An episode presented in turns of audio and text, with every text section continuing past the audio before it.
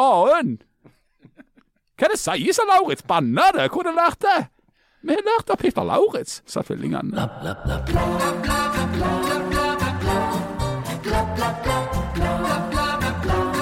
Vi har fått ny regjering. Hurra! Ja, det vil si Trøndelag Ja, og Østland har fått ny regjering, så gratulerer til de. Eh, Jan eh, var der når de kom ut fra Slottet, på fritida. Veldig spesielt. Harald har et lite foredrag om viktige og litt kjedelige ting, og Janne har et gigantisk forklaringsproblem knytta til denne Stavros. Det har hun.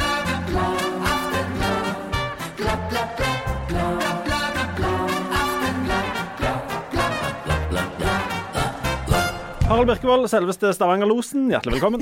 Takk skal du pine ha. Jan Zahl, politisk sammenligner, eh, hjertelig velkommen.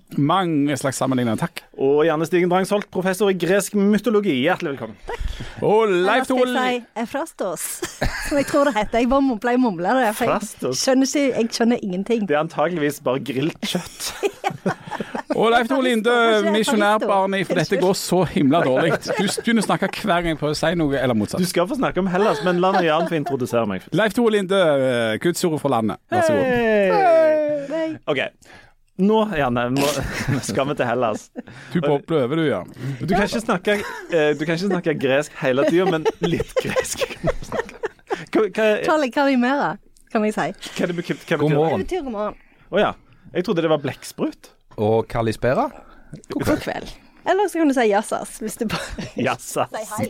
Ja, jazzas er mer sånn ja vel. Ja, jassas. Ja vel. Det er derfor Jazzas. eh, det der slektskapet mellom eh, grekerne og Jæren kom inn.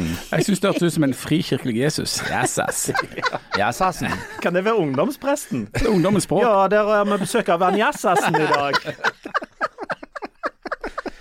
Han skal be fader vår på en ganske kule måte, som dere ikke har hørt før. Fadder vår, som de kaller han Jazzassen. Du som er mestetalt overalt, og på internett. Nei, nei, uff. Det var Hellas vi skulle snakke om. Nå husker jeg ingenting. Ok, Jo, men Janne, alvorlig talt. Du har jo vært i Hellas! Du har jo ikke snakket om han! En hver Hellas. Nå må du dag- fortelle hvordan det var. Hver dag var min beste dag. Var det? Var det? Ja, det var det. Det var fra vi kom til vi dro. Jeg begynte nesten å grine når jeg snakket med han Eivis-mannen. eh, og fikk bil. Han Lavros. Nei, jeg ikke hva han heter. Konstantinos. Ja.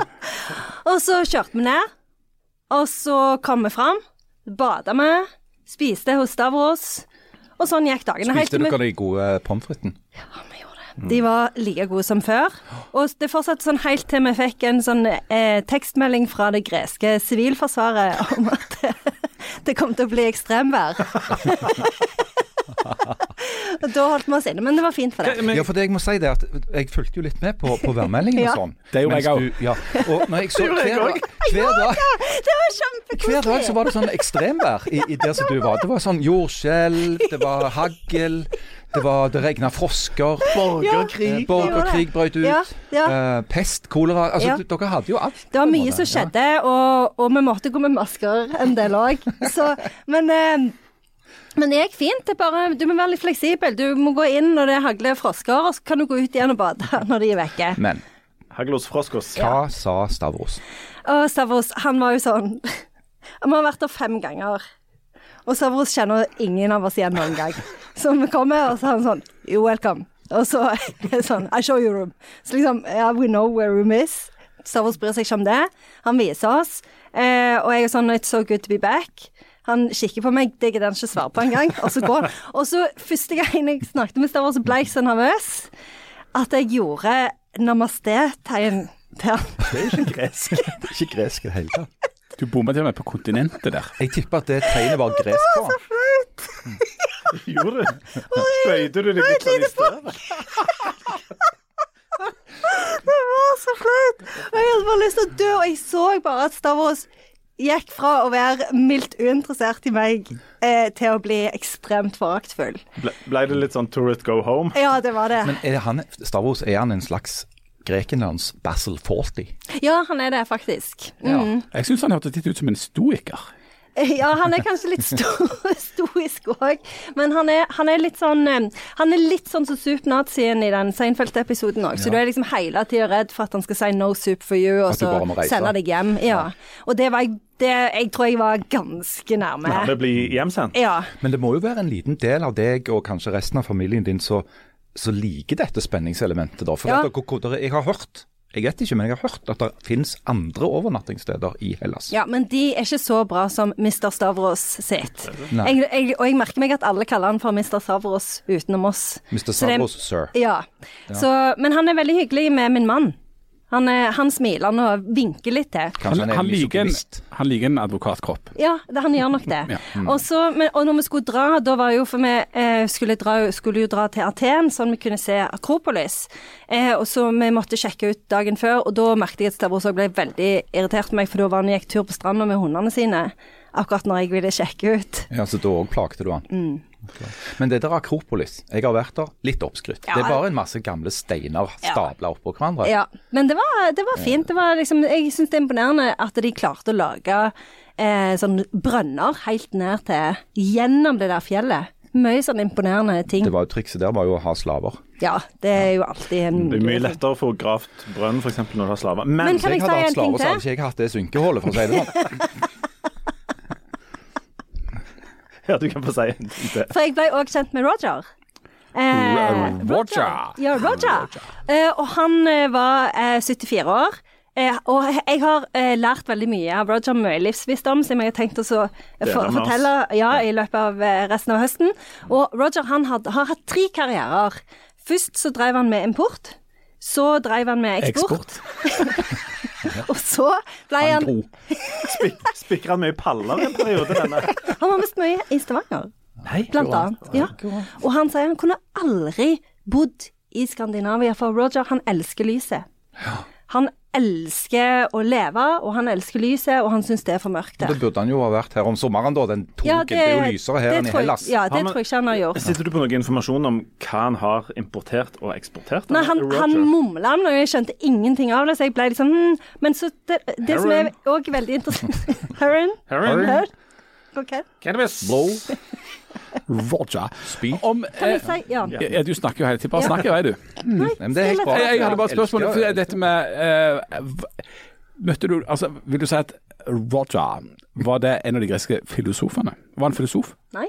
Han eh, nei. hadde eh, Den tredje karrieren til Roger var eh, at han hadde drevet en bokhandel i London eh, som heter Hatchards.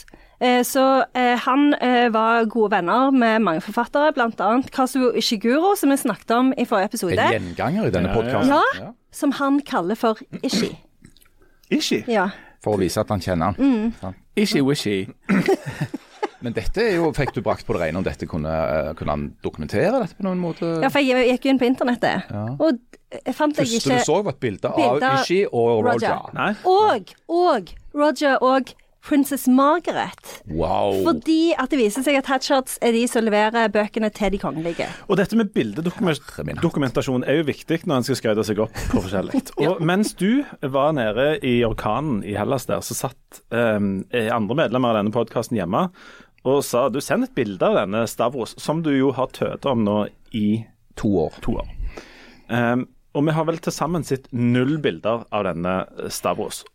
Og det har jo ført til enkelte spekulasjoner, for å si det sånn.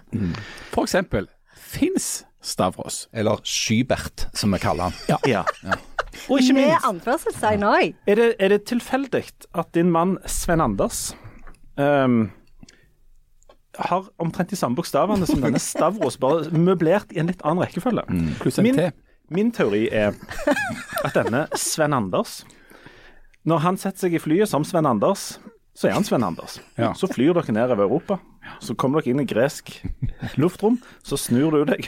Så sier du Øy, Stavros. Så jeg Stavros Det er en slags sånn kinky greie de har gående. Nei, ja, ikke, nei, nei, nei, men at du på en måte at han blir Stavros. Og da, Det er min da, teori. Ja, det er min teori. Og da, da blir det sånn at for deg så blir han da en gresk gud. Du syns han er skapt som en olymp.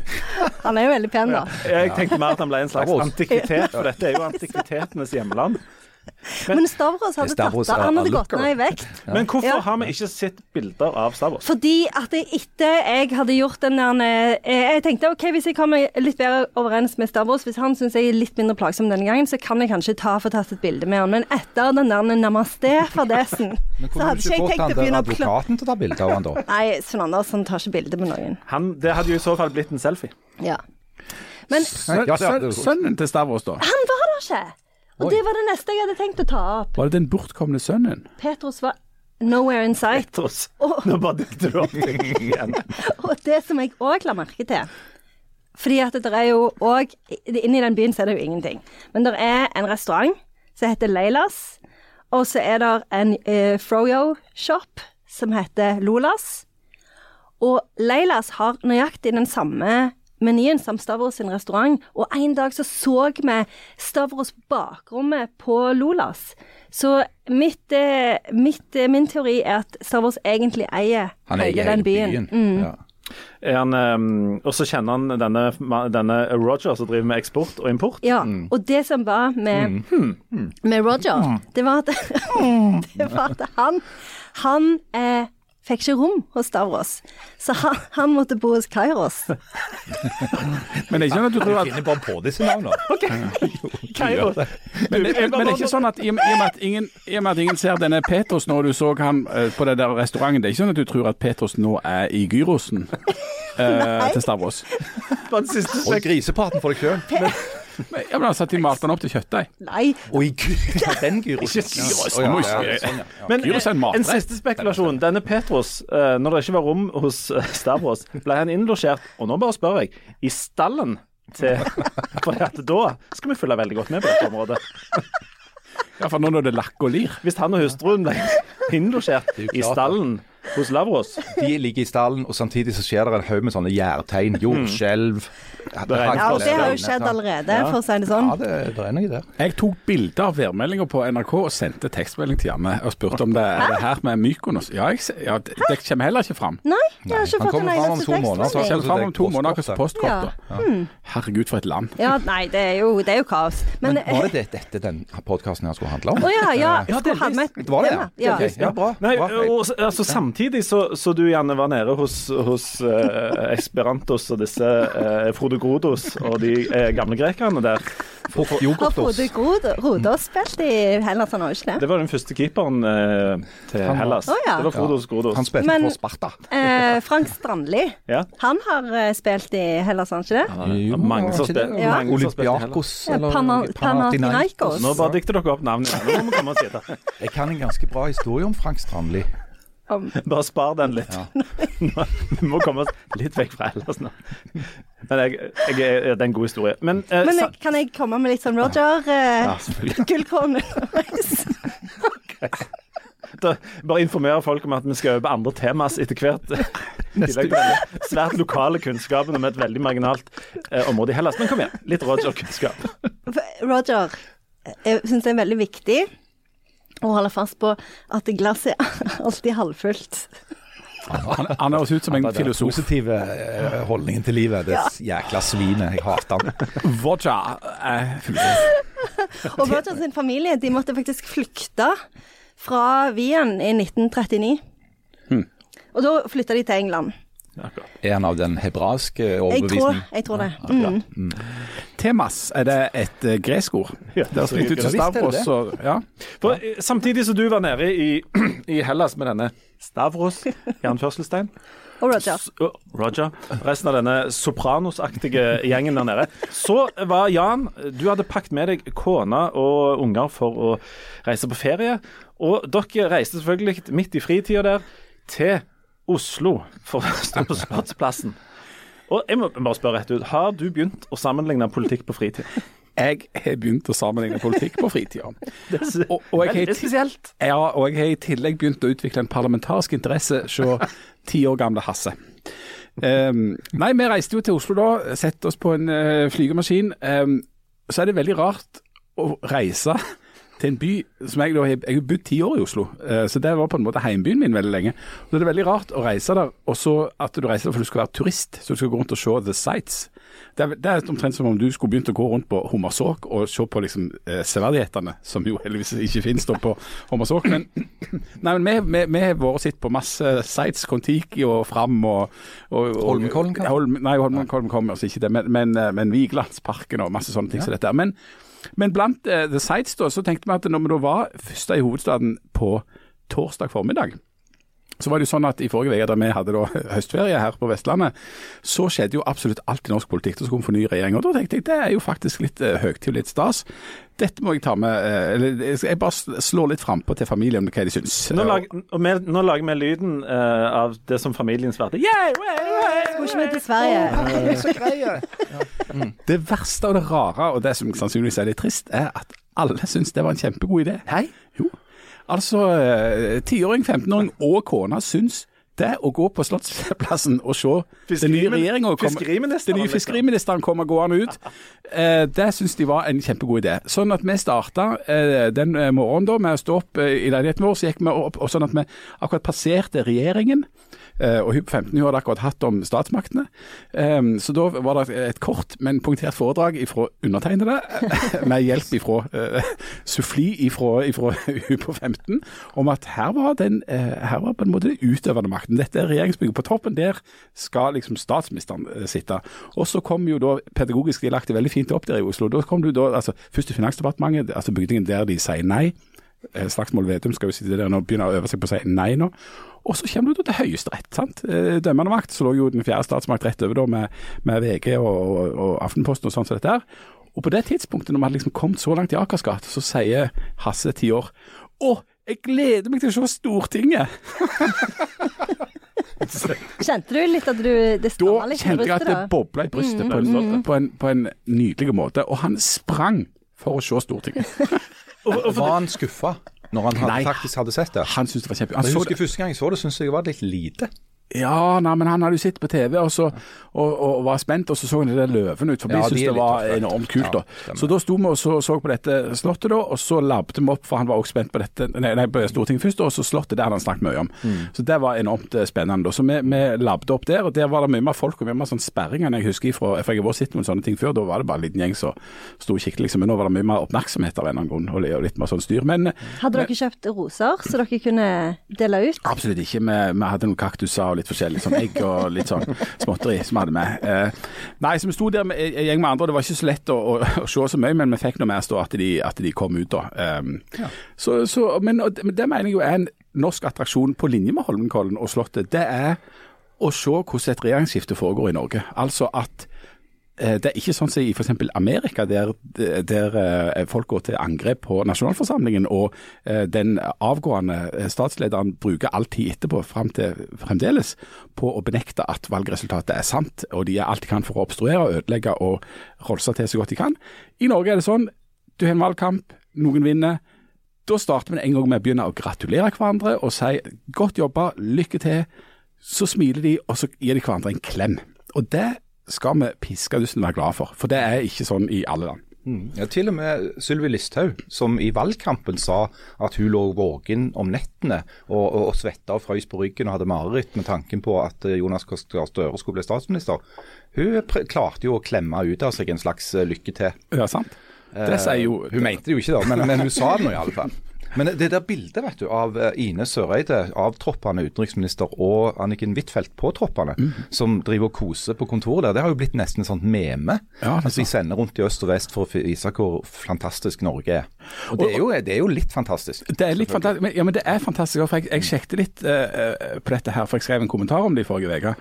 Og det er, det, er, det er fantastisk. Altså, eh, på sånne rangeringer av demokrati, altså sånn indekser som uavhengige instanser gjør, så er det sånn at der ligger Norge på topp, rett og slett. Altså, der er vi, vi- vi er spesielle, og eh, mens en jo trodde, vi som var optimister etter på en måte murens fall i 1989 og, og liksom slutt på den kalde krigen og et sånn optimistisk og ironisk 90-tall, så trodde vi jo at alle land på sikt skulle ende opp som liberale vestlige demokrati. Snakket jo liksom om, om historiens ende, og at det, alle kommer til å ende opp sånn til slutt. Men så er jo altså eh, den faktiske situasjonen at når vi sitter her i 2021, så er demokrati i tilbakegang i verden. Der er kun 8,7% av verdens befolkning som lever i land som eh, blir definert som liksom fullstendig frie av er det Freedom House eller er det Random House? Ja, et, noe det, ja, et, en eller annen sånn indeks, eller Economist sin, sin demokratiranking. Eh, mens mens eh, to tredjedeler av, av, av verdens befolkning lever i land som ikke er frie. eh, på en, som det er liksom sånn ulike grader av eh, ufrihet i. da. Um, og Det er altså ikke demokrati, og det er ikke disse frihetene, og det er ikke denne gode stemningen som er på, på frammarsj. Det er i tilbakegang eh, rundt oss. Det er, eh, før så kunne jeg tenke at det var sånn som skjedde kjempelangt vekke, at det var i sånn Cuba og, og Nord-Korea og sånn som dette er. Men, men du kan gå til et, et land som vi har grenser mot, som Russland. Der er det ikke noe positiv utvikling. og Der har nå Putin ordna det sånn at han kan sitte til 2036. Det bør bekymre oss. Og så kan en tenke at ja, sånn eh, demokratiproblem det er ikke sånt som skjer i land som på en måte er like oss, eller som er allierte med og sånt. Og så kan du bare se til USA, hva som skjedde der eh, 6.1 eh, i år. Eh, Sånn at skal, jeg tror en skal på en sånn, sånn dag som det der på Slottsplassen og, og, og, i forbindelse med et regjeringsskifte i Norge, så tror jeg en bør tenke på hvor utrolig bra det faktisk er. Eh, Vi snakket òg, husker jeg, før denne valgkampen, eller kanskje enda lenger siden, om at det var Det kunne være noen sånne tendenser i Norge òg til at vi at disse valgkampene hana til, og at nå ble det like galt i Norge som det var i Polen eller i Ungarn eller noe sånt. Um, det skjedde vel aldri det, Harald? Gjorde det? Nei, altså, det, det er vel oppe til debatt om, om denne valgkampen var spesielt mye hardere enn andre. Jeg tror ikke han var det. Uh, men det, det er jo òg en stor forskjell på uh, politisk retorikk i en valgkamp og uh, retorikken etter at valget er foretatt. Eh, det aller, aller viktigste er jo selvfølgelig at alle parter respekterer resultatene som kommer. Hvis, da, altså, hvis de har grunn til det. Eh, de, og vi har frie valg, vi har uh, ordentlige valg. Det er liten grunn til å tro at det er noe juks og fanteri. Uh, og da er jo det som er liksom, grunnregelen i et, uh, demokrati, da, det er jo at du har den fredelige maktoverdragelsen. Jeg er ikke sikker på om altså Du har jo sett litt retorikk kanskje fra ytterkantene i norsk politikk som, som er litt mer sånn uforsonlige i forhold til politiske motstandere. Men det syns jeg er akseptabelt. At det handler jo òg om å få fram forskjellene. De ideologiske forskjellene, for de finnes jo. Det er veldig stor ideologisk forskjell på Fremskrittspartiet og Rødt. De, de ønsker to helt forskjellige samfunn, og det må de kunne gjøre, gi uttrykk for. Og det vakre oppi dette her, eh, mener du Jan, det er at folk Ikke, at, eh, at folk står og klemmer hverandre den, eh, den ene dagen der, men at de gjør det etter å ha krangla egentlig så fillene fyker ganske lenge, og så klemmer de hverandre. Ja, og det er jo det som er bare sant. Du ønsker din ideologiske motstander, som du har stått og advart mot i en måned eller i fire år. Hjertelig velkommen inn på kontoret, og lykke til. Og jeg har stor tro på at du vil Norge vel. Ja. Um, men, men, det, men det er fordi at politikk er jo på mange måter et spill, men det er en annen type spill enn sånn som maktoverføring skjedde før. Og det er en- rett og slett så banalt som at du har bytta ut våpen og, og, og kule og krutt med ord og argument. Politikk er jo en organisert måte å drive kamp på, men du driver den kampen gjennom ord og, og argument. Tid, I tidligere tid så drev du den argumentasjonen med rett og slett sverd og, Eller trussel om vold. eller trussel om vold. sant? Altså Det var sånn du endra. Eh, enten eller så var det organisert gjennom da, liksom arv, eller hvem, hvem som var født sånn, og så kunne du krangle om det var hvem som var den ekte sønnen og den uekte, så kunne de krige mot hverandre og drepe hverandre. Men, men, men i en sånn, i en sånn eh, stort eh, globalt eh, perspektiv over kjempelange tid og mange tusen år, så er det jo kjempeoriginalt at eh, vi holder på på denne måten her. Det er jo det som er unntaket. Men heldigvis er vi der. Ja, det er jo litt flaks å leve eh, akkurat her, akkurat nå. Ja. Sånn Jeg, jeg mener jo at du kan, du kan nesten ikke være heldigere enn å være født i Norge, sånn at du kan besøke Syden f.eks. Men du trenger ikke være det hele tida. Sant, Janne? Ja. Helt enig, det Janne var har veldig jo, godt å komme Janne har jo faktisk vært i demokratiets vugge ja. og, i høstferien. ja. Og i antikvitetenes vugge. Ja. Eller Og, og Rogers Ja. Ja, de har veldig mange fine gamle ting. det, det som er Egentlig er Hellas er bygga på vugger. Altså det er først og fremst det de holder på med. Men var du glad for kjenn, Når du er ute og, og reiser, er du veldig glad for å komme hjem og kjenne når du lander på Sola ah, liberalt demokrati. Ja, det er det jeg tenker. Er sånn du tenker? Mm, oh, godt, Slepp, tenker jeg da. Slippe gyrosen og stavrosen og liksom eh, alle disse. Ja, eh, eller ikke slippe stavrosen og gyrosen, men, eh, men det er godt å være hjemme. Du, når, når det gjelder den, altså, dere, var, dere sto utenfor Slottet der, Jan. Jeg eh, kjenner kona mi skal få lov å være anonym i denne sammenhengen, men hun satt og så på dette på TV og sa at hun felte ei tåre. Det er nydelig. Ja. Det Ja, syns- Ved synet av Jan. Nei, Oh, nei. nei. Hun så ikke han heldigvis. Da hadde hun strigreiene. Men... Nei, men rett og slett av å se disse folka komme fredelig ut. Um, på en måte uten at det står en, en mobb og altså Jan eh, hadde jo på en måte egg og tomatene liksom klar, men han heiv det jo ikke. Der, det, det, det sto noen og demonstrerte òg. Det var noen ganske eh, så store rundt oss som måtte spørre om de, kunne, om de kunne demonstrere med det flagget på en litt annen måte, sånn at eh, ungene kunne se regjeringa. Fordi de ville insisterte fremdeles på å redde Ullevål. Så de hadde utvikla noen sånne slagord som fungerte sånn halvgodt, rent sånn rytmisk og melodisk. Så det var mye sånn halting, og de hadde ikke øvd. Så det var Det var sånn, sånn haltende rim. haltende rim om å redde Ullevål sykehus. Ikke bøll med Ullevål. Ga- Slagsmål Vedum og Gahr Støre, nå må dere høre. Redde litt Ullevål. det altså, litt sånn, ja, så det er litt sånn koselig det Ja, sant. ja. Og det er jo, det er jo på en måte demokrati. sant? Så du har deg, og så har du sånne AUF-er som står med sånne pins og, og sånt, og så er det noen som vifter med noen flagg og noen roser og litt sånn forskjellig. Sånn at du igjen så har du på en måte hele buketten av, av demokrati, som jo handler om at folk får lov å si hva de mener. Strålende. Vi skal snakke litt mer om hva de mener, men først må vi ta en liten pause. Vi er straks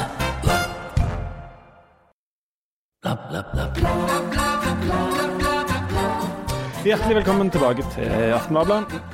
Jan har altså stått og tatt imot den nye fiskeriministeren og, og kommunalministeren sammen med ungene og kona. En ferie han anbefaler til alle mens han var i Hellas. Og og disse, denne fiskeriministeren og kommunalministeren og sånt er jo da nye folk, Harald. Og de har lagt, Ja. de har lagt fram en plattform. Det har de. En innlandsplattform. Ja, det må en kunne si. Ja, det Hurdals Den er klekket ut ved Hurdalssjøens bredd. Ikke sant? Um, eh, Har du vært der? Jeg har, vært, jeg har flydd over mange ganger. Det ligger jo rett med Gardermoen. Ja. Hva står det i denne plattformen? Ja, Det står, Er det noe eh, nytt? Ja, det står uh, veldig mye om, om uh, hva regjeringen har tenkt å gjøre da, de neste fire åra. Uh, og hovedsakelig så skal de da utrede, vurdere og se på ting, forskjellige ting. da. Det høres ut som jeg når kona sier at vi må fikse ting i huset. Ja, det er litt sånn. Ja. Sånn at eh, du kan si det at uh, på en måte så har liksom Jonas Gahr Støre og, og, og Trygve Slagsvold Vedum de har uh, ei kone da, uh, som har liksom sagt at nå må ting gjøres. Og så har de satt seg ned og tenkt ja, som jeg skal se på litt det, se på det og vurdere det etter hvert. Eh, Har de, har de vært spesifikke på hva de vil vurdere? Altså Innen hva slags felt de har tenkt å vurdere? De vil jo vurdere forskjellige ting, da. Ja. der er, Det er såpass. For eksempel, Innen en viss tidsramme, da? eller? Ja, ja, altså det er jo et fireårsperspektiv på dette. Sånn at i løpet av de fire åra så skal de iallfall ifølge plattformen ha vurdert 34 forskjellige ting. Og sett på sju. Og eh, tatt opp til debatt tre. Og, men dette, dette er jo nydelig og interessant og, og, eh, sånn, med hvordan demokrati og politikk og sånt virker. For nå har, nå har vi jo altså hatt en, nå har disse folka vært i opposisjon da i åtte år, sant? og de har snakket om at nå, nå trenger Norge, Norge virkelig en nye kurs. og Det har liksom spissa seg det i valgkampen. og Nå ja, nå har liksom folk signalisert, og de har liksom tatt signaler og danner regjering. Nå skal Norge få en ny kurs. Endring. Endring! Halvdan Sivertsen har fått akkurat sånn som han vil, nemlig at vinden fra høyre snart Ja. snu. Ja, så, ja, så, så sitter du der og biter negler og tenker oi, oi, oi, hvordan, hvordan blir det nå? Jo, nei, vi skal vurdere en, eh, å se på og sånn. Sett. sånn at i, i, ifra, liksom, i overgangen fra valgkamp og tydelige meninger og tydelige retning og alt det greiene så får du noe litt sånn grått. Og, og, og, vassent og midt i midten og litt sånn uklart og kanskje ikke noe spesielt eh, tydelig retning i noen Men de har jo hatt en men, eh, forferdelig vanskelig jobb, vet du, der i Hurdal. Jo, men det har jo vi òg. Hurdalssjøen hotell. Nei, fordi de skal jo, For det første så er jo Arbeiderpartiet og Senterpartiet ikke spesielt enige partier. Altså, For å ta noen tilfeldige eksempler, så er jo Arbeiderpartiet de er Ledelsen i alle fall i Arbeiderpartiet er de er for at Norge skal bli medlem i EU, mens Senterpartiet de vil at vi skal melde oss ut av EØS. og Det er to ganske- forskjellige ja. synspunkter. Det må vi kunne si. Ja. Eh, Og Når det gjelder mange av disse store reformene som er satt i gang på helseområdet og politi og sykehus, så er det jo Arbeiderpartiet som har gått inn for mange av de, mens Senterpartiet er mot. Ja. Eh, sånn at det er jo en del områder som de på en måte bare nesten må late som ikke fins, for at de i hele tatt skal ha noe å snakke om. Ja, og, ja, og replikk her. For, og dette er de to partiene som var så enige at de klarte å danne regjering i lag. De hadde jo med seg et tredje parti som var enda mer uenige, som ikke klarte å være med på sånn det. at Når de skulle lage denne plattformen sin, så hadde de jo fryktelig mange hensyn å ta. For de vet at ok, de er en mindretallsregjering, de er nødt til å ha støtte i Stortinget. Eh, så de måtte lage en plattform så, så de tenkte de kunne selge både histen og pisten, da. Sant? For å få de nødvendige hva er det, ni stemmene de mangler for å ha flertall i Stortinget. Så, så jeg tenker at plattformen bærer litt preg av det òg. At eh, det har vært kanskje rett og slett et bevisst ønske at han ikke skulle være for tydelige. Det skulle være et sånn tolkningsrom der, sånn at de kunne Dette høres litt ut som, som når Janne prøvde å ta bilde, ta selfie med Stavros. Jeg har jo ikke prøvd engang. Har du ikke prøvd? Nei, jeg har jo ikke det. For at jeg innså jo at dette kommer ikke til å gå. Så jeg var Du mer kunne jo sånn som SV. snikfotografert han, Ja, det kunne jeg jo gjort, men og så hadde det blitt lagt ut. jeg var redd han skulle eh, oppdage meg og sende meg hjem. blitt banna. Så kunne du blitt eksportert. Stemme meg av. Du kunne blitt såkalt eksportert av han Roger der. Du, men, Men men, bare to, to ja. ord til om denne plattformen. For det, det som nå skjedde, da, det var jo at plattformen kom jo, ble lagt fram. Eh, og så gikk jo Audun Lysbakken eh, på talerstolen i vandrehallen i Stortinget og sa at dette var tynne, tynne suppe. Det var ræva plattform. Ja, ræva plattform. Eh, og da tenkte jo jeg med meg sjøl at har ikke, er det ikke en liten del av Audun Lysbakken som tenker at hvis han hadde bare gitt pokker i å dra fra Hurdalssjøen i, i, i, i avsky og vært med å påvirke den plattformen, så kunne jo kanskje den plattformen blitt litt mindre ræva, sett fra SV sitt eh, synspunkt. Så han har jo på en måte lagt litt opp til det sjøl. Men nå er vi kommet til, til den delen av podkasten der du sier noe viktig, men ganske kjedelig. ja. Og det, er, skal handle om innholdet i dette. For at noe annet vil altså ei rød-grønn regjering gjøre, hvis du sammenligner med ei gulblå, mørkeblå Men det er ikke en rød-grønn regjering. Det var, det var, det var hvis, eh, hvis SV skulle være med, da var det en rød-grønn regjering. Nå er det noe Det er sånn beige. Ja, det, det er jo grønt som er fargen til Senterpartiet òg, da. Ja, okay. Så sånn sett så Ja, da er det Ok, okay. grønt. Ja, Men i avdelingen for litt viktige, litt kjedelige ting, hva slags eh, små og store justeringer har denne regjeringa tenkt å gjøre med Norge og livene til oss vanlige folk, og Janne? Ja, så, Janne må begynne å betale mer skatt for å tjene så kolossalt mye penger. Ja, det, det er jo, Når det gjelder skatt, siden du nevnte det, Jan, så, så er det jo ikke så forferdelig mye som skal skje. Fordi at eh, Arbeiderpartiet står jo eh, fast på at de ikke skal egentlig Altså for de, de, de som de har valgt å kalle vanlige folk, da, som, som i denne sammenheng, skattemessig sammenheng er folk som tjener under 750 000 i året, eh, skal ikke få mer skatt. Noen av de skal til og med få mindre. Eh, Så blir det ikke gjort justeringer på formuesskatt. Det blir ikke innført arveavgift, som mange på formuene, som gjerne da frykta før, før valget. Men det blir jo litt høyere skatt for de med aller høyest inntekt. Altså hjemme. Ah, Ja, f.eks. Uh, så det er jo én ting. Eh, I tillegg så er det jo noen signaler som aldri ville kommet fra en, en borgerlig regjering, som går på dette med et sterkere statlig engasjement, f.eks. i næringspolitikken. Eh, så der er det jo På forhånd så hadde, hadde Arbeiderpartiet signalisert at eh, de, de er i alle fall skal vurdere, da, eller se på, og utrede, eh, om staten skal ta et sterkere økonomisk eh, engasjement i nye næringer for å bidra til det grønne skiftet, f.eks. Har, eh, har denne plattformen sagt noe om de vil gjøre noe med um, olja? Er det en oljeplattform? Er det en oljeplattform? Eller er den elektrifisert? Har de landstrøm der på en, Urdal? jeg lagde en vits på den eh, plattformen på Facebook. bare. Kan sjekke det ut hvis dere vil. Ikke for skrø- Ikke for skryt eller noe, men la det rett ut på internetten der på, Ja, ja, ja, på Skype. Nei, altså de skal jo ikke Altså de olja eh, De Keep skal jo da on. De skal utvikle og ikke avvikle, eh, hva nå det måtte bety.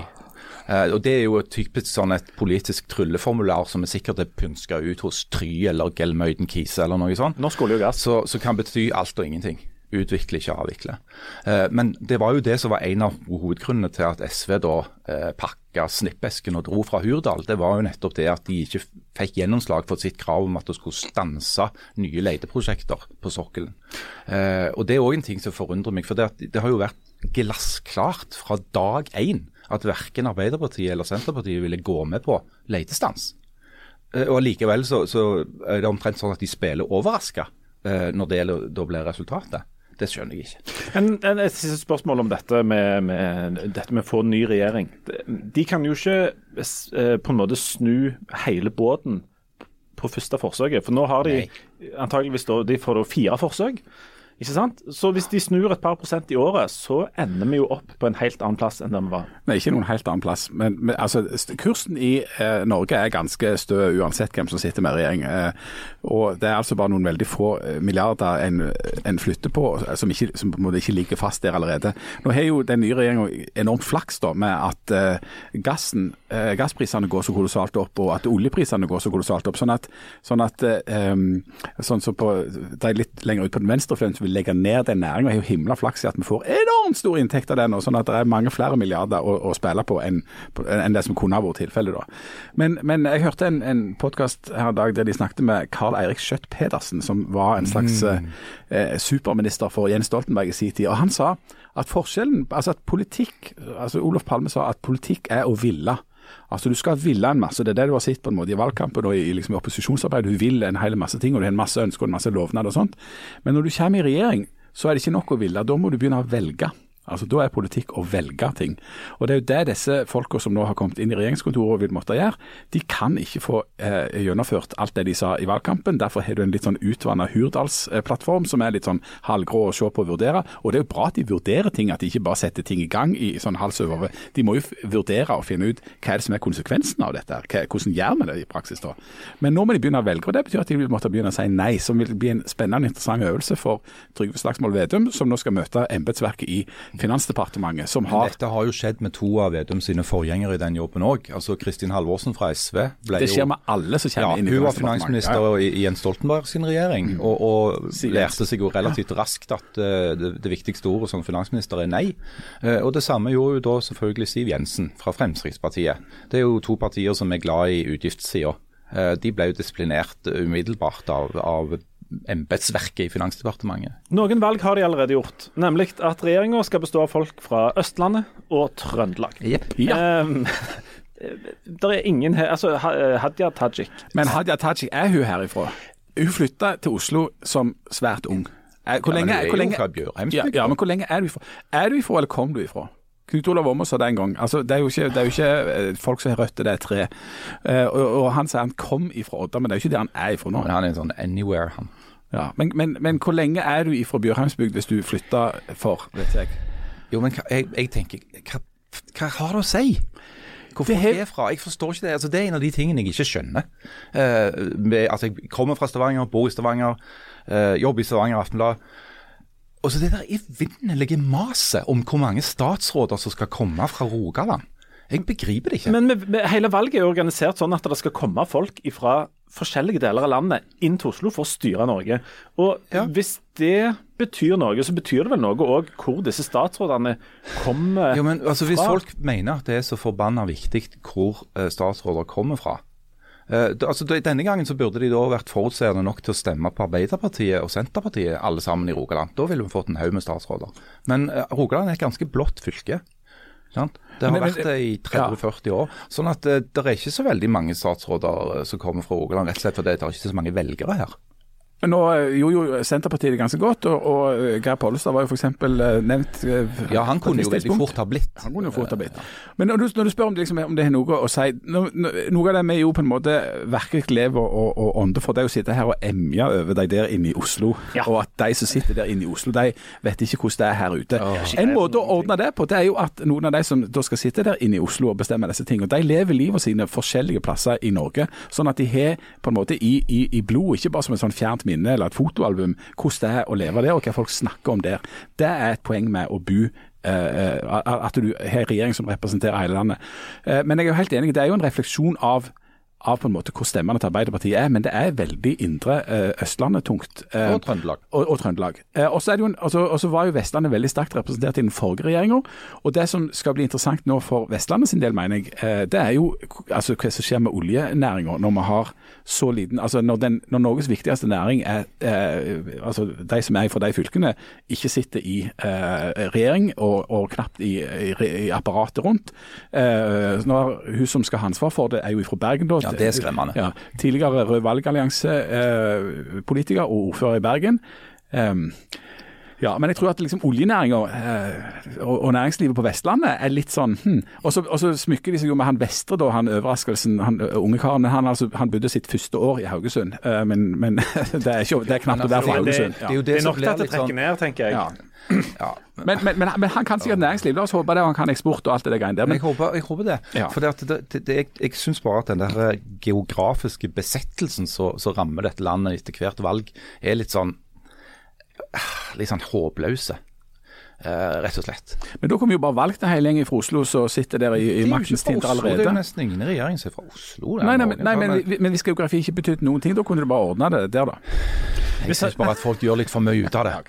Hvis, hvis han der, eh, hvis han der han er eh, Vestre, han som er da Fra Østre. fra Østre, Indre eh, Hvis han eh, mang, altså, lurer på ting innen dette med eksport og import, så kan han jo sette en kontakt med han Roger. Ja, for Roger ja, har eh, jo mye å melde om det, og han, Han har holder reist kurs og Ja, og han snakker flytende tysk. Oi! Eh, Han, han er ikke så god på italiensk, eh, men han klarer, han han, klarer alle, seg. kan han alle kasusene? Ja, Hvordan er han i gresk? Han syns gresk var helt umulig å lære Det er seg. ingen som forstår det. Mm, Det er jo tross alt helt Men um, ja. uh, hva, hva heter den nye fiskeriministeren? Eh, Odd Roger Enoksen? Nei! Nei. nei, det- Forsvarsminister, Jonas det. Gahr Støre. Nei, det, det er statsministeren. Å, det er det. Eh, fiskeriministeren. Er det noen som husker hva fiskeriministeren heter? Ja. Du har juksa. Han har alltid dobbeltnavn. i Bjørnar fall. Skjæran. Ja, ok. Oi, det, han, ja. det er nestlederen i Arbeiderpartiet. Nestlederen. Er. Hvorfor havna han i fiskeri? Nei, det er jo en straff for et eller annet. Ja, han har, det er noe han har gjort. det er et julebord en eller annen gang her Ja, der det har gått noe ja. skeis noe er, men det er jo fordi han er fra Nord-Norge. Det for denne for noen Er det Eno- Men det betyr ikke noe. han ble forsvarsminister? Nei, Enoksen ble forsvarsminister. Ja, ja, ja, Um, skal vi ta en quiz til? Hvem ble En- en- Enoksen ble forsvarsminister, så han får ansvar for å legge ned Andøya, som han har eh, jobbet ved og kjempa mot å legge ned hele tida, og Ja, som jo- partiet hans har sagt at ikke skal legges ned, men det skal han nå legge ned. Han må òg ha gjort noe fælt. Ja. Men du, denne regjeringen er, og dette bekymrer meg, uten digitaliserings- og Ja, distriktsminister. hvordan skal det gå, Hvordan skal egentlig? det egentlig gå? Nei, jeg vet ikke. Kanskje han Vestre kan gjøre det òg, siden han er så flink. Antageligvis. Og så er det vel òg sånn at eh, en viss andel av disse eh, ministrene kommer til å bli bytta ut. Og skal vi, inn, eh, vi er jo litt gode på veddemål. Er det noen som vi vedder litt om f.eks. Geir Pollestad er minister innen fire år? Justisminister. Ja, jeg vet ikke. Han er jo jurist, så helt tenker, vekk er det jo ikke. jeg tenker fiskeriminister. At de setter han på fisk. ja. For liksom for, for, Can you hear us, Ja. Geir? For å suge ut livsgnisten hans og viljen til å ønske om å holde på med politikk, så Det blir du fiskeriminister. Nei. Um, den nye kulturministeren som Jan skal kjefte kontinuerlig på i fire år, er Anette Trettebergstuen. Ja. Eh, ser du lyst på det, Jan?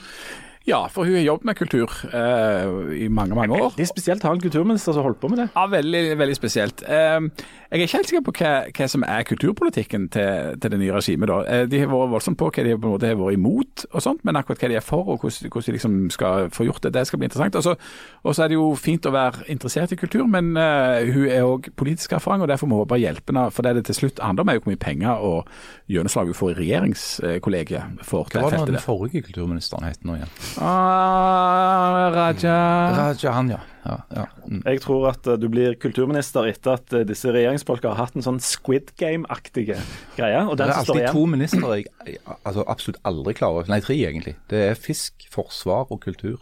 Fisk, Jeg sliter veldig med de. Men ifølge deg så er det jo samme hvem som holder på med dette, og Egentlig det er det samme hvor de samme. kommer fra og hva de Ja, Det er ja. embetsverket som bestemmer uansett. Det betyr ingenting. Kunne bare satt en algoritme inn der, egentlig. Ja, ja. Ja. Eh, Jeg håper i hvert fall denne nye kulturministeren gir masse penger til TV-serier, for det er vi usedvanlig opptatt av. Ikke sant, Janne? Jo. Og nå skal vi snakke om TV-serier, som jo er Det er det livet egentlig handler om. Ja. Jeg så første episode av sesong tre av Succession i går. Nå var det, men nå var det Janne som skulle snakke om eh, TV-serier. Vær så god, Janne. Men det, men, men det var en god eh, sånn liten pitch der. Ja, det var det. Ja. Har du sett denne serien? Janne? Ja, jeg har det. Eh, og jeg eh, em, jeg syns det er veldig gøy hvordan det er sånn at eh, mange av de dramaseriene som kommer nå, er, handler om rike folk. Eh, og hvor enormt uspiselige de er, og hvor gode de er å hate.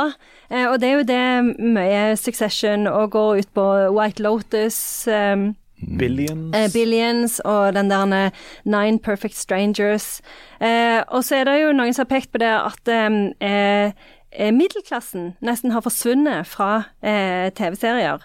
Eh, fordi eh, før hadde en kanskje serier som sånn 30 Something eller den Six Feet, Under, og ha, eh, drama som tok utgangspunkt i eh, middelklassen. Men nå er det nesten bare den der uspiselige overklassen eh, som eh, en snakker om. Eh, og så er det jo sånn at det, den andre klassen som har eh, blitt portrettert mye i TV-serier, det er jo underklassen. Eh, for der han jo òg eh, er særlig komiserier. Eh, så, så er det eh, mye snakk om underklassen for tida. Eh, og det er jo en annen kjempebra serie som har kommet på Disney Pluss nå, som heter Reservation Dogs. Som er lagd av Taika Waititi. Eh, som jo er Sønn av gamle Taitiki. Er de i slekt med Titanic på noen som helst måte? Eller? det- Det var jo han som lagde Thor Ragnarok. Ah. Så Og den serien, for de som ikke har sett den, den handler om Den handler om eh, noen native americans som bor i Oklahoma og har det nitrist, og det er ingen vei ut av eh, det reservatet de bor på, og mm, alt er bare kjipt. Eh, så, eh, og det er jo òg andre serier som tar for seg eh, denne her underklassen i USA, nå, som det har denne American Rust, eh, for eksempel. Eh, og så er det jo noen som spekulerer i da, hvorfor, altså, hvorfor er det sånn at en har enten bare overklassen eller underklassen, og så er det jo eh, nærliggende å tenke på at det har noe å gjøre med denne her, det gapet mellom fattige og rike, da, som jo har økt med sånn 50% siden 1986. Eh, så, så, så det er jo mange som, som mener at, at det er liksom altså Når vi vil underholde, så har vi enten lyst til å hate de rike, eller føle empati eh, med de fattige. Eller le av de fattige. Eller le av de de fattige, ja. morsomme, ja, de er jo veldig løgne, Ja, for de de er finner jo på mye tull. Ja, mye tull. Ja. er det ikke òg sånn at kjeltringene befinner seg enten på toppen eller bånn? For det har jeg lest, at det er liksom en del av fascinasjonen. Altså, vi, vi som er i middelklassen, vi er så enormt kjedelige. Jeg kan bare snakke for meg sjøl. Mm, ja, ja. Men jeg er jo bortimot så kjedelig som det går an å få. Du driver så å si ikke med kriminalitet? gjør Ingenting. det? Ingenting. Eh, og en TV-serie om mitt liv, den hadde ikke vært all verdens. Men er, det- er, for meg er for kjedelig, altså. Ja, jeg tror vi er forskjellige. Og så er det òg noen som peker på at eh, det har noe med internett å gjøre. Fordi at eh, Med Skype. Men Skype er For Vi har jo snakket om dette her med hvordan sosiale medier har utradert en sånn en følelse av identitet hos de unge, at identiteten bare ligger utenpå. Og hvis du følger serier middelklassen, så må du jo følge en sånn en fortelling om indre eh, utvikling. Eh, eksempel sånn som dannelsesromanen på 1800-tallet og opp igjennom. Eh, og av at internettet har gjort alt flatt, og vi er ikke interessert i personlig vekst lenger, så kan vi egentlig ikke lage noe Men jeg tror Leif Tore kunne egentlig blitt ganske bra sånn langsom-TV. Ja, sånn Leif. Tore minutt for minutt. Det hadde blitt veldig lange minutter. Jo, jo, men altså, de klarte jo å gjøre det med skal jo være lange Bergensbanen minutt. og Hurtigruta og Pace og sånn. Ja, og for, Så- ja, ja, ja, for så vidt. Men, men vi, vi elsker å se Det er noe med de rike Jeg liker serier om rike folk. eh, eh, gitt den ene betingelsen at jeg kan synes de er noen rødhål, og at de er sånn som jeg liksom tror de er. Ja, jeg er helt enig. Og så sånn så i den Succession så kaller de jo eh, Der er det jo en som ble drept, og så sier de ja, men det var no real person involved. og det er jo veldig Det er jo, det er jo veldig sånn typisk for disse rike i de seriene. Og så er jo også sånn at de Du liker jo å se på dem fordi at de får jo ikke noe glede av å være rike. Det er jo liksom, det er jo bare maktkampen og liksom det der hatet og alt det som driver de. Så dette, de får jo ikke noen glede av å være på den der middelhavsyachten Nei, som så de jeg lurer på om det er en slags skam. For det at de, de viser oss de rike, men de viser oss samtidig at de rike har det jo bare helt grusomt. Mm. De er ikke lykkelige i det hele tatt. Det tror jeg er bullshit. Det som virkelig hadde provosert folk, det var jo en serie om rike folk som var bare helt superbra. Ja, sant? men, vi vil jo ikke, men hvis vi hadde blitt provosert, så hadde vi jo kanskje gjort noe. Så det, du vil jo Ja, ikke de vil ikke ha vil revolusjon heller, nei, nei, ikke sant? Snakk for deg sjøl. selv. Jeg hadde Derfor er de nødt til å Snakk for deg selv. Jeg hadde ikke- som litt sånn der plaga personer, ikke sant? Jeg hadde ikke lufta en finger. Jeg Alt mye arbeid. Men det som òg er interessant, det er for at i, i, i komiserier der er det jo i hvert fall eh, vanligvis middelklassen som regjerer. Men, men eh, i det siste så har han gått mer over til sånn konsept sitcomiserier. For eksempel The Good Place handler jo om eh, folk som prøver å komme til himmelen, men som bare kommer til helvete om og om igjen.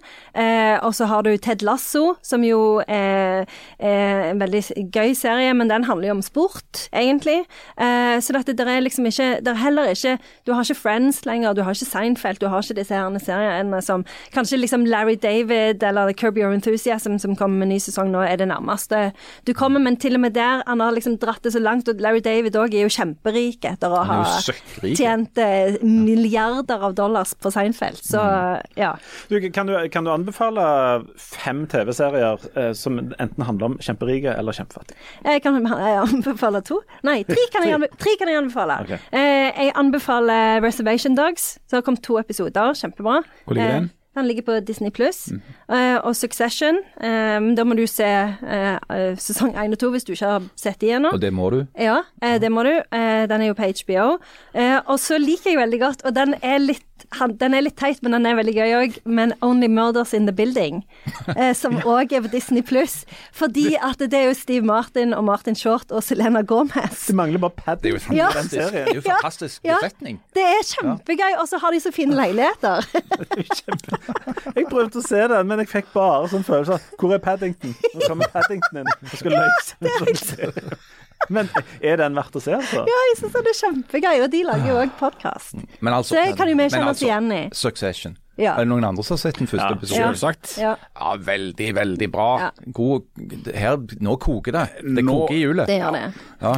Og, det, og det, er jo, det er jo bra, den er jo så bra fordi at han viser Altså, det er såpass uh, drøyt, rett og slett. De er jo både løgne og fæle på en Det, gang. det er jo forferdelig dårlige mennesker. Ja, ja, ja. ja. Ja. Ja, jeg får, det er jo, Han sier jo at de fleste av sånne serier er bygd på Macbeth eh, på et eller annet vis, og her er det jo Macbeth Så hele veien. Ja. Så, altså til de grader! eh, og Ja, det kommer jo òg en ny Macbeth, forresten, på Apple Pluss eh, rundt juletider. Ja, Succession er vel òg bygd på Murdoch-dynastiet, Ja, da. men er det Men- men det er jo- Macbeth-referansen er jo Ja, ja. legio her. Ja, sant? ja. Eh, for det er, jo, det er jo det det handler om, å, å, å drepe kongen eh, og tar makten. Du, vi, vi er kommet over til eventuelt, og i går la jeg ut, ut et lite agn på, på Instagram. Dere må følge oss på Instagram, forresten. Ja. Eh, følg Aftenbladet på Instagram, så skal vi love med at dere skal få se eh, bilder av både det ene og det andre. Ikke av Stavros. Neste år så kan dere Jeg få kan se kanskje bilder finne et bilde av Roger og Ja. prinsesse Margaret. Ja. Ja, det det, det kan jeg gjøre. ja. Mm, og ikke, kanskje, hvis noen er Ja, ja, ja. interessert i Men det. Men vi, vi spurte om det var noe vi måtte ta opp eh, på eventuelt, og vi har fått eh, noen ting. Eh, Blant annet er det noen som lurer her på hva de nye statsrådene egentlig skjuler. Er det noen som har noen teorier om hva de skjuler? Wrong answers only her, da. Kun feil svar. Hva skjuler de nye statsrådene? Det, det, jeg har ikke, kan ikke si det. Livets Eh, lede og angsten for det ukjente. Og, Nei, de skjuler vel en, en dyp indre usikkerhet. ja. Akkurat. Det er det de, derfor de blir statsråd. Ja. Ja. Er det noen som Og de her? bærer identiteten sin utpå. Gjør de det? Ikke inne på internett? Ødelagt av internett. Uh, nytt spørsmål. Hvorfor heter det jødekaker, og er det greit å si det? Nei, det er ikke det. Det er helt greit å si det. Jeg vet hvorfor det heter jødekaker. Vil dere ha den kjedelige forklaringen? Nei. Nei. Men kan vi si kaker med, med, med Jødesmak. Nei. Nei. Nei, det går ikke. Men med, med Stikkord. Ja, ja. Sefardiske jøder, Amsterdam, norske sjøfolk. Tok de med Er tilbake. det sant? Ja, ja. Det heter, I Nederland så heter det Jodenkokken. Det var en veldig fin oppsummering. Ja, Ja, jeg har en sånn en Jodenkokken-boks, faktisk. Oi, ja, sa du det. En Jodenkokken-boks? Ja. Det var Veldig rett og kaker som ble lagd av jødiske bakere i Amsterdam. Ok. Eh, kan Janne avklare om det er Cranky Woman Autumn eller Cranky Woman Fall som gjelder? Nei, det er jo ikke fall, det er jo autumn. Det har jeg Ja. sagt. Jeg tror- kanskje vi rota litt med årstidene i, i en gang. Autumn og fall er jo Jo, det men samme. det, det er jo samme. Men denne hashtaggen fungerer. Den fungerer veldig bra. Jeg har ikke brukt den ennå, for jeg har ikke vært så sur, for jeg har jo vært i Hellas. Så Grumpy Woman er ut. Ja, Grumpy Woman er jo et sommer... eh, Ja. Nei, det var jo til sommeren, var det var ikke det? Grumpy Woman Summer. Det er så cranky Det woman crank, autumn crank, ja. med ett ord. For jeg syns cranky passer mer på høsten. Det er litt sånn harde konsonanter og Cranky og, og rødvin. Altså, det er Ja. ting som hører høsten til. Ja. Nytt spørsmål. Nytt spørsmål her. Eh, Går det bra med, med Jan Britt Snøve? Har ikke hørt skrøyt av henne på minst halvannen episode. Men skrytte jeg ikke av at hun var veldig interessert i det parlamentariske systemet og regjeringsskiftet nå? Ja, var det Det er ikke alle som tar det som skrøyt. Tenker at det er en slags jeg, det var, jeg mener at det var et kjempekompliment. Og så er det et spørsmål her, og dette skal vi virkelig komme til? Vi er tilbake nominert til en pris nå. Ja, vi er det. Ja, ja, der skrøt jeg litt. Veldig bra. Eh, eh, der, vi har fått spørsmål om vi kan diskutere dette med i, eh, Når er det for tidlig du begynner med dette med julepynting og sånn. Det skal vi komme Å, ja, tilbake ja, det- med, men som et slags hint om at det kanskje er litt for tidlig, så velger vi ikke å diskutere det denne gangen. Ja. Men her er det ting å snakke om. Jeg sier bare at jeg har vært i en butikk hvor det var marsipangriser. Ja, men spørsmålet nå er jo når eh, skal en kjøpe inn disse her gresskarene? Det er jo det jeg lurer på. Fordi at eh, ungene mine ville kjøpe det i går. Men eh, jeg venter, nei, vi venter til helga. Ja, jeg, Hjemme hos oss så driver vi ikke på med det der halloween-drit. Jeg håper vi er ferdige med det nå. Ja. Det er jo kjempefint med å ha sånne med lys i på trappa. jeg hørte en uh, jærbu for, eh, for eh, et år siden som sa Har dere unger driver de med dette med heroin? jeg mener halloween! Men jeg tenkte at eh, det er vel eh, hipp som happ om de begynner med det. Det er greier jeg begge deler. Jeg husker et år når vi var på sånn eh, meg og ungene var på sånn halloweenverksted på Hå gamle prestegård, og så var det noen sånne gamle turnips. Det var noen sånne gamle turnips som lå der, og de skulle vi skjære ut med de sånne Husker dere sånne gamle sløve eh? Vi satt jo der i fire timer. Det er så sinnssykt og Hakte løs på disse her. kålrabiene. Ja, det var Herlig, det, Det så det, var den Det er lengste så dagen. typisk Hå gamle prestegård å stille med Men jeg- turnips. Men jeg tror at turnips var de opprinnelige lyktene, faktisk. Ja, men da håper jeg de hadde skikkelig kniver for deres del. Vennegrupper etter fjerde klasse, for eller mot? Mot. Mot. Det er jo altfor lenge. Herlighet. Jeg syns ikke de skal ha vennegrupper noen gang. Ikke heller, synes ikke de skal ha venner heller. Um, da avslutter vi med denne. Um, uh, litt sånn om Squid Game først, og så vil jeg bare lese slutten. Og så benytter jeg anledningen til skryt. Leif Tore står på lista over folk jeg gjerne vil bli venner med en gang Hæ? universet eller Herren tillater det. Hæ? Vi ser, som det heter i sør. Vil du bare bli venn med deg, eller er det en mann? var det fra en dame? Nei, altså her er Her er en av oss nevnt, og det er meg. Um, og så uh, til deg, Kristine. Du kan være med meg uh, eh, Nei, ikke meg til Syden. Kona mi og ungene mine og alle til Syden. Eller komme og besøke oss på hytta. Skal dere til Syden? Ja, vi skal ned til Stavros. Få tatt det der jækla bildet av han. Nei, jeg er litt i beita for noen penger, så jeg er nødt til å ha kontakt med denne Roger. Roger. Og, drive- og se om jeg kan komme meg inn på dette med import og eksport. Nei, vet du hva. Det er en guds lykke at vi har eh, lesere som sender spørsmål om de vil bli venner med oss. For jeg vil bli venner med dem. Det var jo mange som lurte på om eh, det gikk bra med Roger under eh, coviden. Fordi at de sa Roger, du elsker jo å gå i operaen, du elsker å gå i teateret, du elsker å være med folk, du er en mann av mange interesser, du er kjempeflink til å holde tale. Eh, og da sa Roger, med meg går det bra, ikke tenk på meg. Jeg har bøker, jeg har det jeg trenger. Det er jo ikke alle som er like gode å tale. Nei, men, Roger er veldig god. Men noen kan mestre denne, dette med å tale. Ikke sant? Ja, det jeg skal fortelle om i dag, det er ikke fint. Nei, det er stygt. Det er så stygt at jeg nesten ikke klarer å fortelle det. Og jeg sier bare det jeg skal uttale ord som ingen noen gang skal måtte uttale.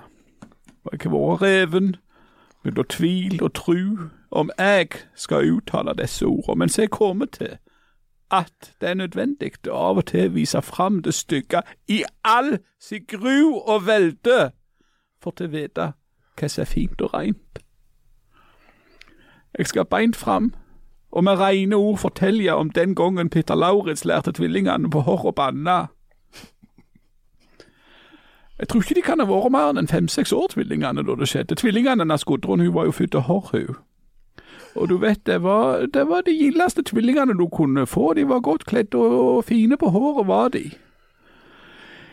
Ja, så best en dag så var de nede der på Horr, og det var ikke titt de fikk gå så langt heimant, Og der trefte de jo da altså Peter Lauritz, sønnen hans Lauritz, så han var en tre-fire år eldre. Og han var grei kar, han òg, det var ikke det, altså. Men så sier han til dem at han hadde lært noe nytt, og så sier han at nå skal han lære det til deg òg. Og det er nå dette blir forferdelig vanskelig for meg, for jeg ser ikke jeg ser ikke, nesten ikke hvordan det er noe råd, men jeg vet ikke om jeg klarer det. Men for Peter Lauritz, han sier til tvillingene, og det sier, sier han sånn Si Og jeg vet ikke om jeg klarer å si det. Nei, jeg klarer ikke å si det, men han sa noe som nesten var si aen. Og så sa de det, tvillingene. Aen. Ja, de var, sa jo ikke det, men det var ligna. Jeg klarer ikke å si det. Nå bandet det, sa Peter Lauritz. Ja ja, så hadde tvillingene på Hår lært noe nytt, de òg. Ja, sitter en stund så kom faren nedover da med en voldig såmaskin, og så skulle ungene være med opp i marka der til så. Og så. Men så kom de til et le, og så ble de stående og lure, og så sier tvillingene plutselig A-en. Hva er det sier, sa Lauritz. Banna det? Hvor har du lært det? Vi har lært av Peter Lauritz, sa tvillingene. Er det sant, Peter Lauritz? Kom her, så skal du få bank.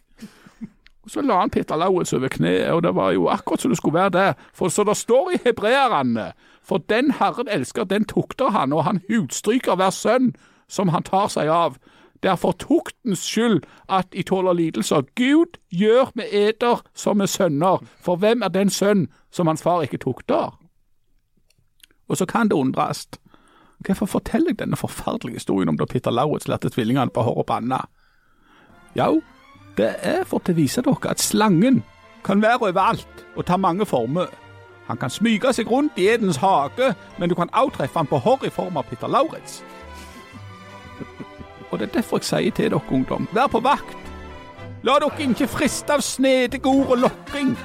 Hva enn det gjør, gå ikke inn i fandens synagoge.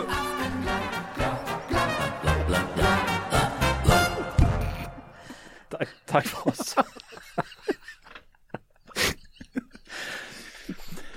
Skal jeg, si, skal jeg si hva det verste er? Dette er okay. Det er en sann historie. Er det sann historie? Ifra Hår? Tvillingene på håret. Farmen og broren. Gudrun er farmor.